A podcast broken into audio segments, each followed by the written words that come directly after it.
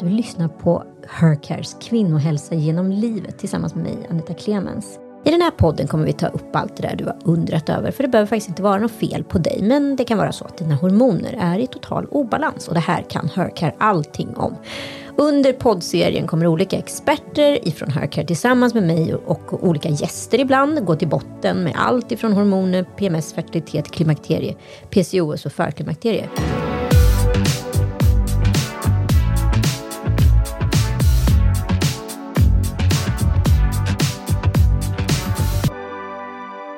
Just det, förklimakterier. Det är precis vad det här avsnittet handlar om. Men den här podden är lite speciell. Det är nämligen en lyssnarpodd. Så det är ni lyssnare som alltså ställt frågor om förklimakterier som jag kommer då ställa till våran expert här i studion Mia Maria Hedblom som är barnmorska på Hökare. Välkommen!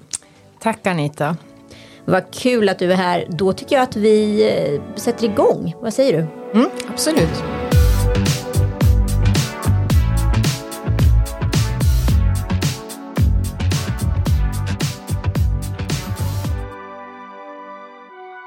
Men jag undrar liksom, varför dök det här begreppet förklimakterie ut som ett nytt ord för mig och kanske mångas vokabulär för ungefär två år sedan? Jag tror ju att det är för att många kanske vågar prata om sina symptom. Varför mår jag som jag gör? Har det här med ålder att göra eller vad är det som har hänt? Eh, och jag tror att vi har pratat alldeles för lite om det. Eh, så mycket beror nog på det att vi har satt ett, ett ord på det. Det är ju ett tillstånd som säkert har funnits länge. Eh, PMS känner man ju igen. Men när den blir förvärrad och inte går över och hänger in i mensen. Eh, det, man får inte den här releasen som man har fått tidigare om man har haft PMS. Eller också har man inte haft PMS och helt plötsligt så förstår man att det här är något och det kommer cykliskt. Det måste ha med hormonerna att göra. Eh, och det är ju tiden innan mensen börjar hoppa över och östrogenet börjar svikta ordentligt. Så att vi har nog bara satt ett namn på, på den här långa perioden som det ändå är. Norröver så kallar man ju ägglossning för mitt emellan. Vad ska det här vara då? Mitt före? Ja, ungefär. ja. ja nej men det har alltså kommit in sinnessjukt många frågor om just eh, för klimakteriet. Så jag tänker att vi sätter igång på en gång. För det verkar verkligen vara som, precis som du sa, det öppna spjäll. Folk vågar prata om det. Och ju mer man pratar om det, ju mer undrar man. Nu kör vi.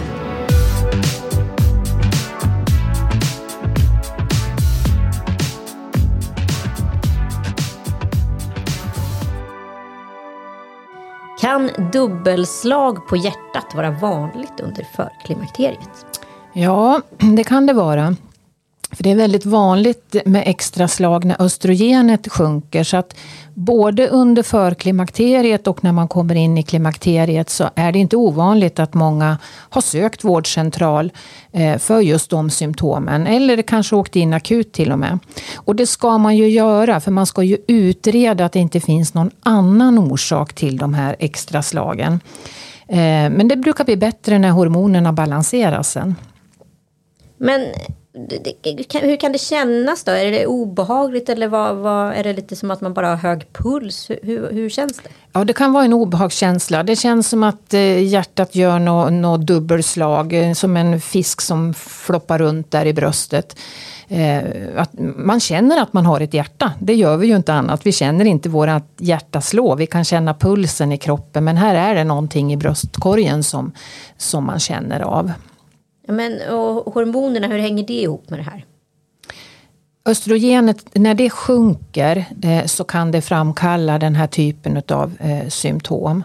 Eh, och det är ju inte alltid som östrogenet sjunker stadigt. Det far ju lite upp och ner så det kan ju vara någonting man upplever i perioder också. Det behöver inte vara någonting man känner varje dag utan man upplever det ibland. Men kan man gå liksom till vårdcentralen med sådana här grejer? Absolut, det ska man göra. Man ska ju utreda varför. Det är ju jätteviktigt eh, att se att det inte är någon annan orsak. Och hittar man ingenting, då kan man misstänka att det är det här. Beroende på ålder naturligtvis.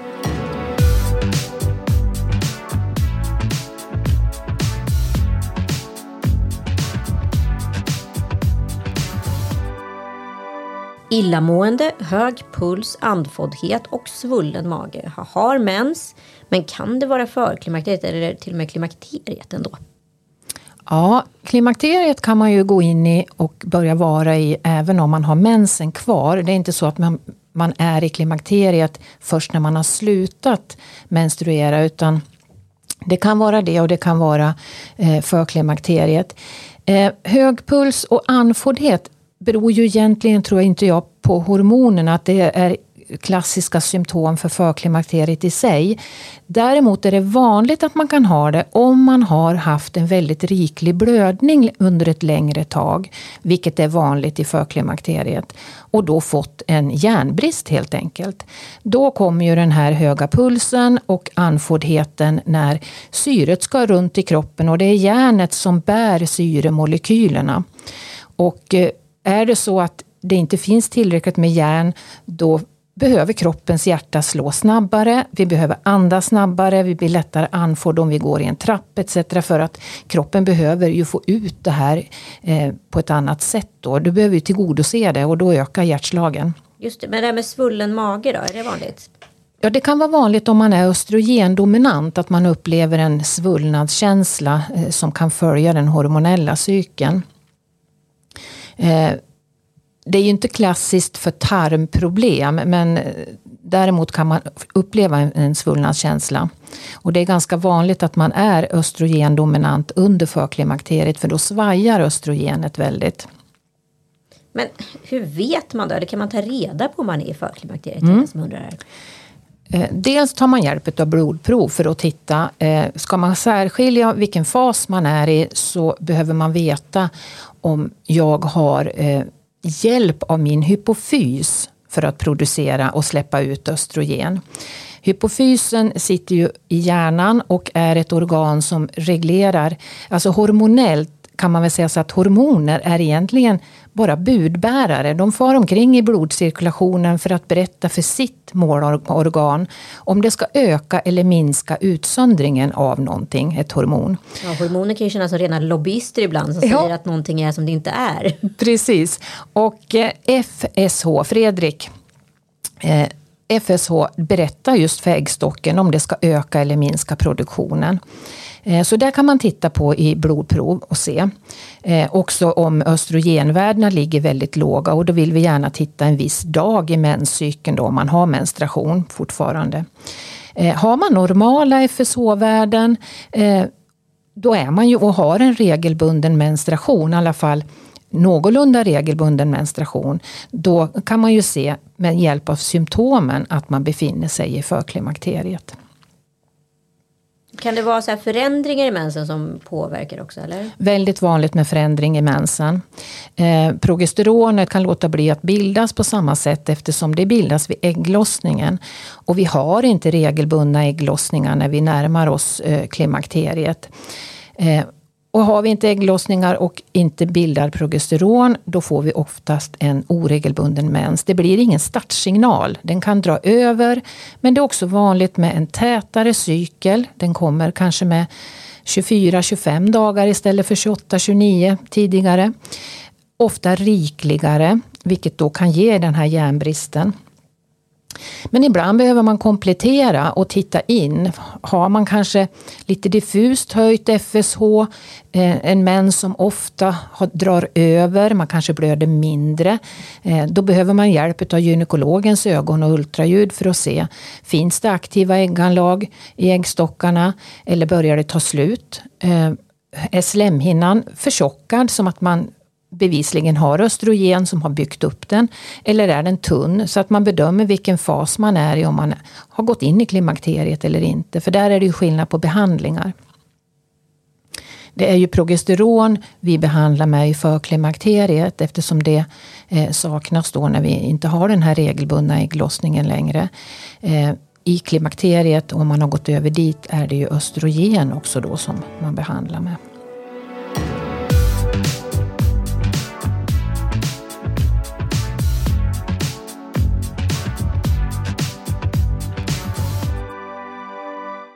Ska man ta ut sin hormonspiral när man är snart 50 år?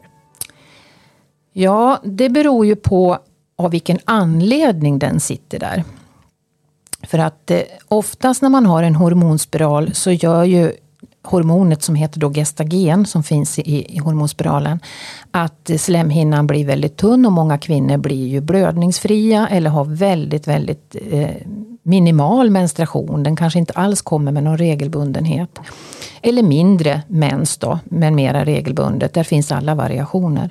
Har man ingen menstruation och närmar sig 50, då är det ju svårt att veta om det är hormonspiralen som har tagit bort mensen eller om jag har kommit in i klimakteriet och slutat.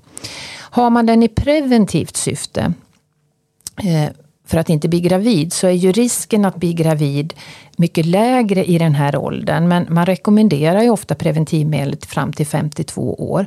Och så beror det ju också på eh, om man lever i ett förhållande, om man är ängslig och orolig för en graviditet. Eh, om den är nyinsatt eller om den har suttit sina år.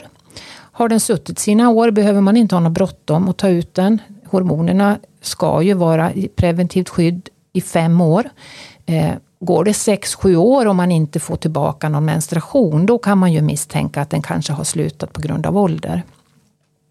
Så att det är svårt att svara på det här för att många har ju sin menstruation kvar flera år efter 50 och eh, har mått bra av att vara eh, blödningsfri Tar man bort den så är det ju risk att det kommer tillbaka då om inte spiralen har gått ut i tid. Sen är det ju det om, om hormonspiralen är satt i annat syfte än preventivt. Den kan ju vara satt i blödningssyfte, alltså rekommenderad och utskriven av läkare för att stilla en riklig blödning. Som man kan ha fått i förklimakteriet eller eh, om man har något myom eller någonting. Och då är ju också risken att blödningen kommer tillbaka och blir besvärlig. Så där ska man ju rådgöra med sin läkare. Ska jag byta den efter fem år eller ska jag prova att ha den kvar och se om det kommer blödning tillbaka? Så att man inte tar ut den och riskerar att ha, få tillbaka sitt besvär. Då. Just det.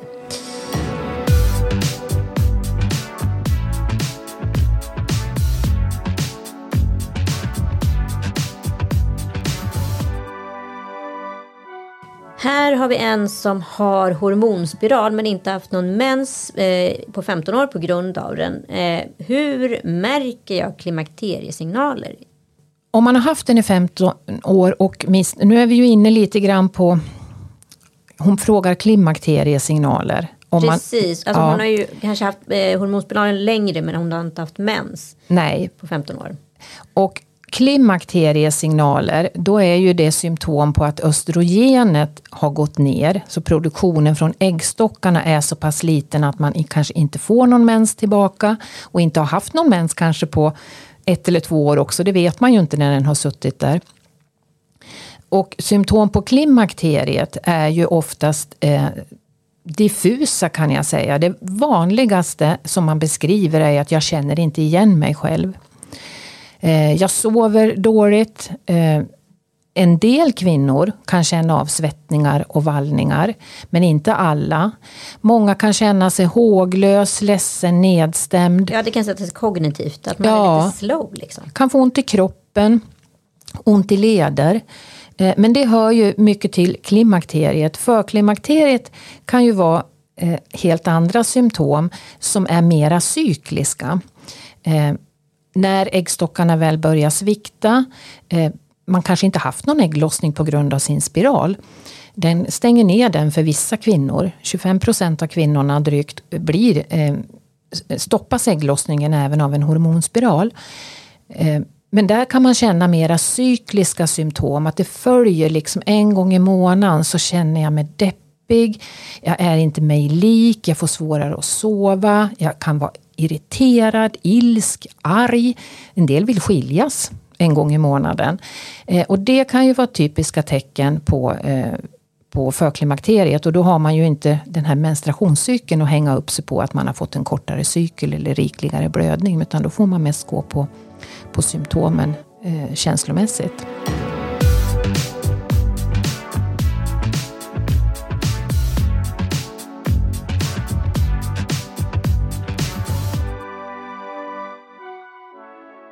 Är i förklimakteriet och PMSen är olidlig. Varför blir den för många värre med åldern?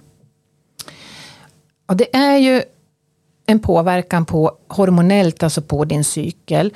Eh, under fertil ålder när vi är unga, då ser våran månadscykel likadan ut varje månad. Östrogenet stiger kraftigt framåt ägglossning, sen sjunker det. Det stiger mot mens och sjunker igen. Och så ser det ut på samma sätt varje månad. Progesteronet bildas när vi har ägglossat och vi, vi mår oftast bra av det. Det är ett lite lugn och rohormon, progesteron. Eh, när den här kurvan förändras, för när man kommer in eh, Ja, när man passerar 40 brukar man säga som en ålder att det börjar hända saker. Men det här är väldigt individuellt när vi kliver på. Men lite skämtsamt brukar jag säga att vi kvinnor kliver på det här tåget mot stationen, klimakteriet, ungefär vid 40-årsåldern.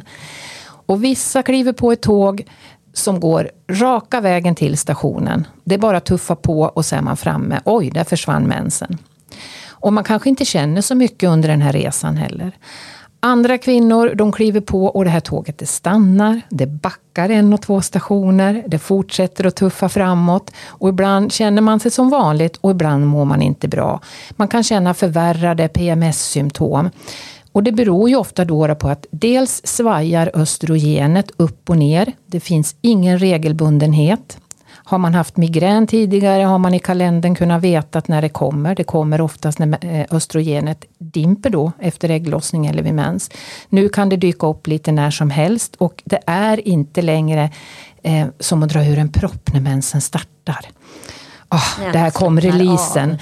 Utan det hänger in i mensen och allting blir lite mera diffust. Och det här beror ju då på att progesteronet sjunker mer och mer. Och serotoninet, då får alltså vi, glädjeämnena? Glädjeämnena, då flyttar vi fokus från äggstocken till hjärnan. Sjunker också och påverkas av det här. Så det följer liksom med i de här svängningarna. Eh, så det blir som en förvärrad PMS kan man säga. Och då blir det värre med åldern, för det svänger mer och mer ju närmare stationen vi kommer på det här tåget. Och till slut blir det för liten produktion och då byts symptomen. Från det här cykliska, svajiga, upp och ner och långa perioder när man känner igen sig själv till att kanske bli då mer håglös, likgiltig, samma lika hela tiden, sover sämre, ont i leder. Så att man märker att nu är det annorlunda mot för vad det har varit tidigare år.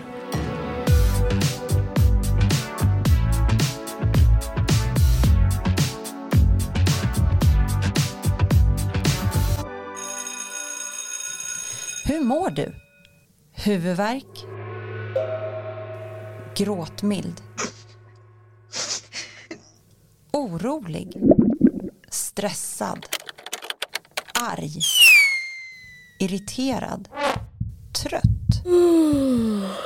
Ta kontroll över dina hormoner. Ladda ner vår app idag. Vi ger dig verktygen du behöver för att ta kontroll över ditt mående. Logga dina symptom få kunskap, insikter och råd baserat på dina symptom och din cykel direkt i vår app. Hercare, vi hjälper kvinnor att må bra. Appen Hercare är gratis att ladda ner. Finns både för iOS på App Store och Android på Google Play.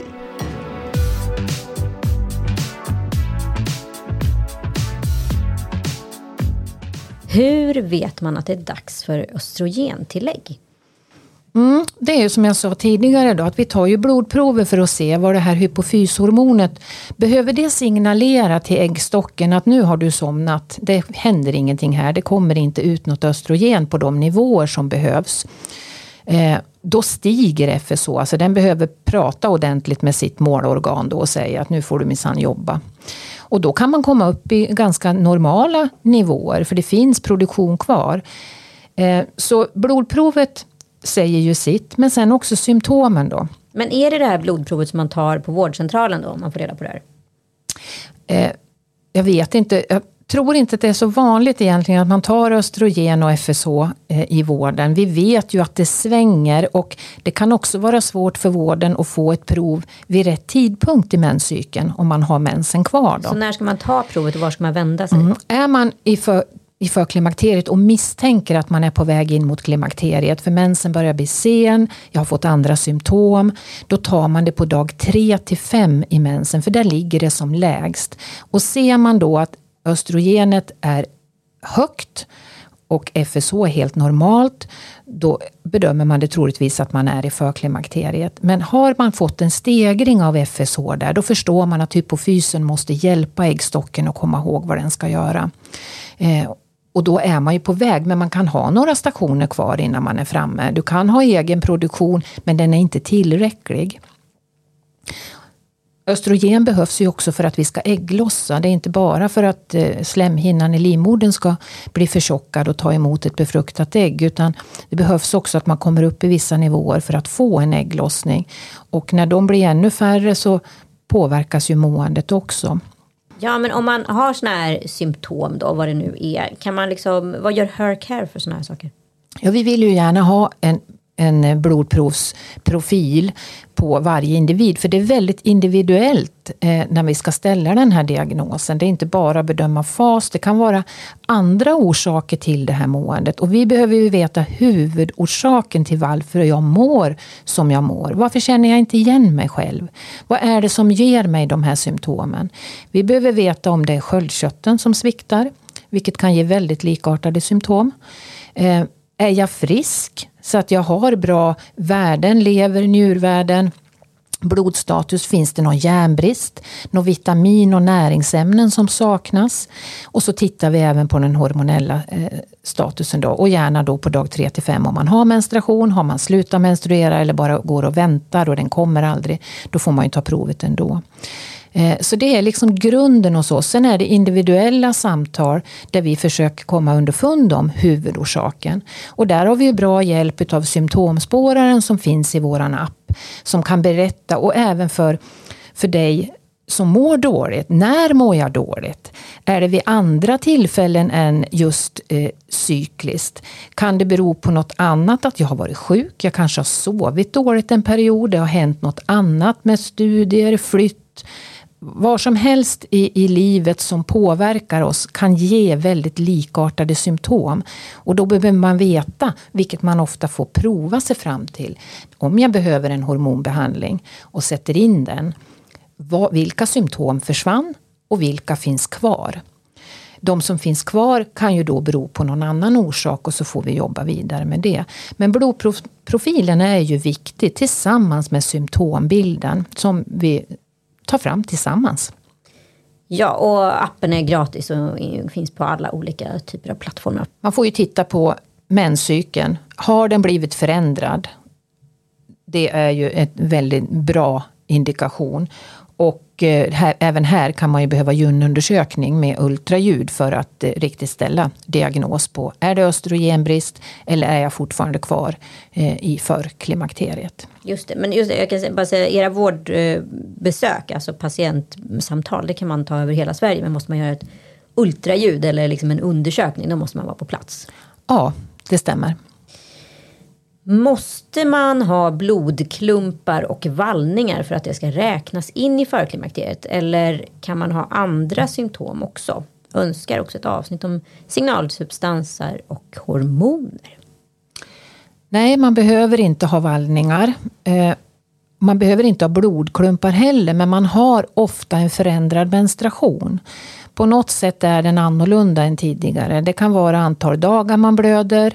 Det kan vara behöver inte vara klumpar, men det kan vara en förändrad mängd. Det kan vara mindre, det kan vara mer.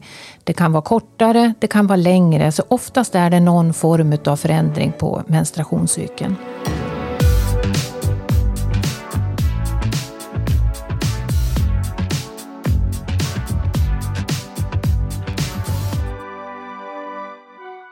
När bör man överväga att tillsätta hormoner? Det är ju när man misstänker att det här kan vara en cyklisk förändring. Jag har på grund av ålder eh, förändrat mående, jag har en förändrad blödningscykel, eh, jag känner inte riktigt igen mig själv. Då är det ju bra att göra en utredning för att se om det är så att eh, man behöver sätta in en hormonell behandling. Och eh, som jag sa tidigare så kan symptomen gå väldigt mycket i varandra och kan vara orsakat av andra saker. Så här behövs den här individuella utredningen tillsammans med blodprover för att se, tror vi att det här är hormonellt? Eller kan det finnas andra orsaker bakom? Tarmhälsa, eh, sköldkörtel, är man liksom frisk i övrigt? Eh, så det, det, får man göra en bedömning eh, tillsammans med eh, antingen oss på Hercare eller annan kunnig person eh, innan man sätter in hormoner. Östrogen eh, är ju en annan behandling. Där kopplar vi in våra gynekologer för det är en helt annan typ av behandling om man har kommit så långt som till klimakteriet. Eh, och där är det ju frågan om både östrogen och progesteron. Och hur jobbar ni med östrogen och progesteron? Det vanligaste i förklimakteriet är att man får progesteronkräm som man behandlar cykliskt. Eh, bioidentiskt progesteron som är eh, det kroppen känner igen. Alltså det är samma molekyler som din kropp har producerat efter ägglossning tidigare. Eh, till skillnad från läkemedlet då som heter Gestagen och som ska efterlikna progesteron. Det är det som används i preventivmedel till exempel. Alla mår ju inte bra på det. Vi jobbar under för, i förklimakteriet med eh, bioidentiskt progesteron som ges cykliskt. Kommer man sen in i klimakteriet och behöver östrogen då blir det en annan typ av progesteronbehandling tillsammans med östrogenet. Då är det frågan om tablett i tablettform. Och eh, det beror också på om man har livmodern kvar eller inte. För att då får man progesteron för att skydda livmodern. Eftersom östrogenet bygger upp en förtjockad slemhinna eh, så vill man skydda den så att den inte blir för tjock. För det är i sig en cancerrisk för livmodercancer.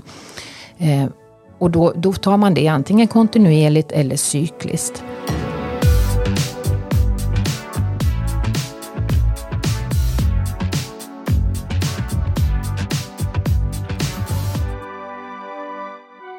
Fyrtioåtta år lätt sipprande brun röd hel vecka efter mens. Nu tio dagar sedan, aldrig hänt förut. Är det förklimakteriet? Ja, eh, det kan det vara. Har man oregelbunden blödning så att man får vad ska kalla blödningstrassel, att man får det helt i fel tid, ska man ju alltid kontakta någon för att undersöka eh, orsaken till det. Men det är inte ovanligt att det här händer i förklimakteriet.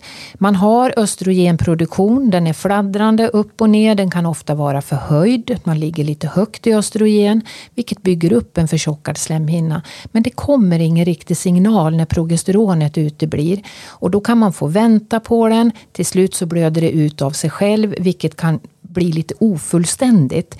Eh, Tidigare då får man signalen från progesteronet att nu ska blödningen starta och sen blöder man ur sig hela slemhinnan och så tar den här slut efter x antal dagar, vilket också kan vara väldigt individuellt. Men den här signalen saknas vilket gör att blödningen kan utebli, ibland faktiskt hoppa över och sen komma som en väldigt riklig, ibland störtblödning faktiskt. Eh, men det kan ju också då vara om den helt hoppar över att man har kommit närmare stationen klimakteriet och har en östrogenbrist så att det inte finns någonting att blöda ut. Och här måste man ju få en bedömning genom att titta in för att se om, om eh, den här slemhinnan är förtjockad. För då behöver man hjälp att blöda ut den med hjälp av eh, läkemedel ibland eller progesteron. Då. Just det, och om det är så att man eh, vill besöka er kan man ju också träffa er online. Man kan också göra blodprover på sin lokala ort som sen skickas till ert labb och ni får ha liksom ett vårdbesök med patienten. Ja, det stämmer. Sverige är ju avlångt så att alla har ju inte möjlighet att ta sig till Stockholm. Och eh, vi har väldigt mycket videobesök där vi samtalar över video och det är väldigt fina besök. Det fungerar alldeles utmärkt med tekniken. Precis. Eh, och blodprover kan man ta på sin hemort. Ibland köper man sina egna om man har, eh, inte har tillgång till de labb vi använder oss av eh, direkt. Eh, och då får man bifoga de svaren till oss då innan besöket så att vi kan ha det här samtalet och bedöma vad just du eh, befinner dig i för fas och behöver för hjälp mot just dina symptom.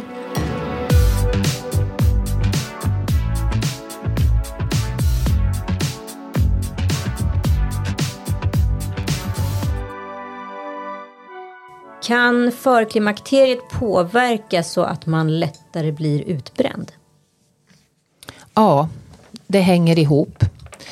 Eh, eftersom Eh, de här svängande hormonerna och åldern gör att signalsubstanserna påverkas så kan man ofta få symptom som nedstämdhet, vilket kan tolkas som depression, förlängd PMS som man känner att man behöver behandla. Man har tidigare i livet kunnat stå ut för det har varit några dagar innan mens, det har gått över när mensen startat men nu är det förlängt och man mår inte alls bra det kan hänga ihop att när man mår dåligt så har man ju också mindre resurser att vara på banan så att man klarar den stress vi utsätts för. Och en obalanserad hormonell eh, cykel är ju också en stress för kroppen. Har man också sen kanske mycket på jobbet eller man har varit sjuk eller man har oro för föräldrar eller barn eller vad det kan vara. Eh, eller en stressig situation helt enkelt. Så är det ju eh, oftast en, en Alltså det kan vara en puff att man hamnar i en utmattning. Ja, man kan försätta sig i det. Man kan försätta sig i det. Man kanske inte skulle hamnat där om man har varit i en hormonell balans. Men man har svårare att klara eh, situationerna man utsätts för i livet.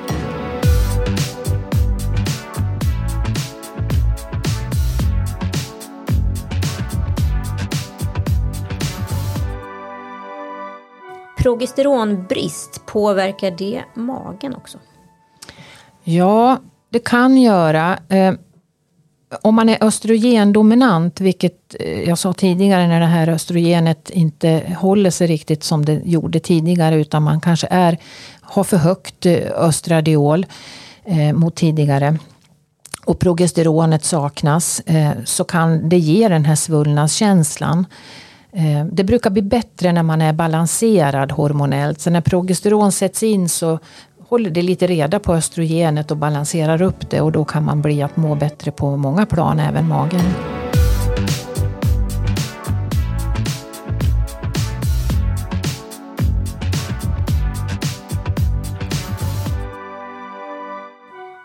Jag har ibland 35 till 37 dagars cykel. Är det normalt? Jag tycker det är jobbigt att vänta på mensen.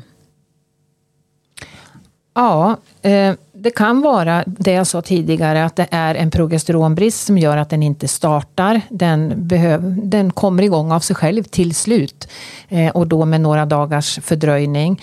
Eh, eller också kan det vara det att man är i en ålder där östrogenet börjar svikta så att man helt enkelt inte får mens, den kan glesa ut innan den liksom helt upphör. Och det här kan man ju ta hjälp med blodprover och eh, individuellt besök för att reda ut.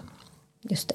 Och det kan väl gå rätt fort. Alltså man kan vara helt okej och sen så kan det hända helt plötsligt. Ja. Då är det ju jättebra att man kan tracka cykeln. Det beror på vilket tåg du har hoppat på. Ja, precis.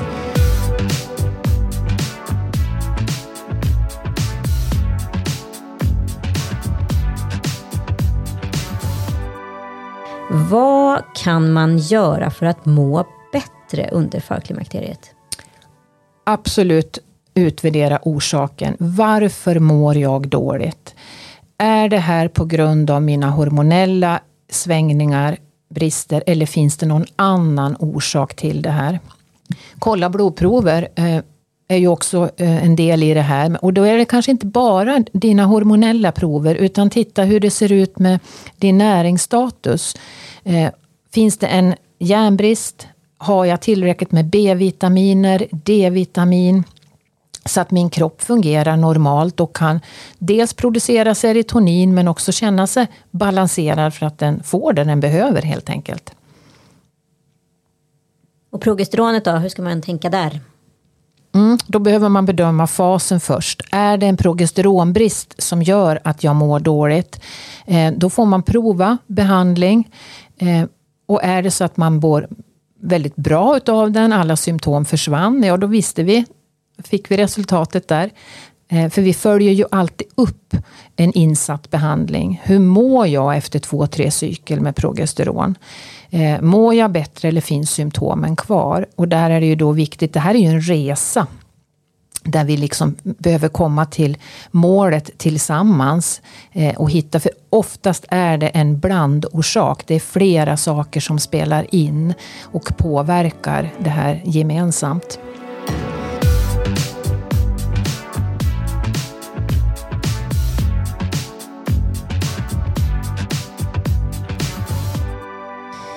Har börjat med estradot, eller estradot, eh, men känner ingen skillnad. Är dosen för låg?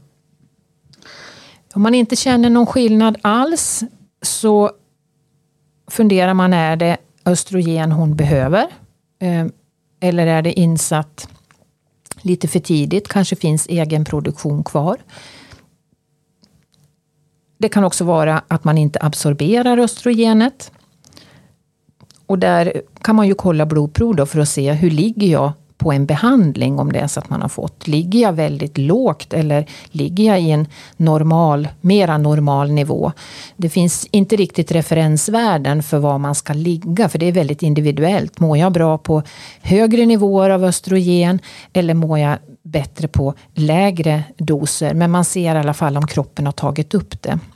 Nu har vi ju pratat om förklimakteriet, men vi har också kommit in mycket på, Eh, på klimakteriet. Det har varit en hel del lyssnarfrågor om det och det är svårt att veta eh, vart befinner jag mig. Eh, framförallt om symptomen förändras. Men upplever man att jag har cykliska symptom, mensen är något förändrad, jag känner inte igen mig själv, eh, det svajar och varierar väldigt, då är det mer tecken på förklimakteriet.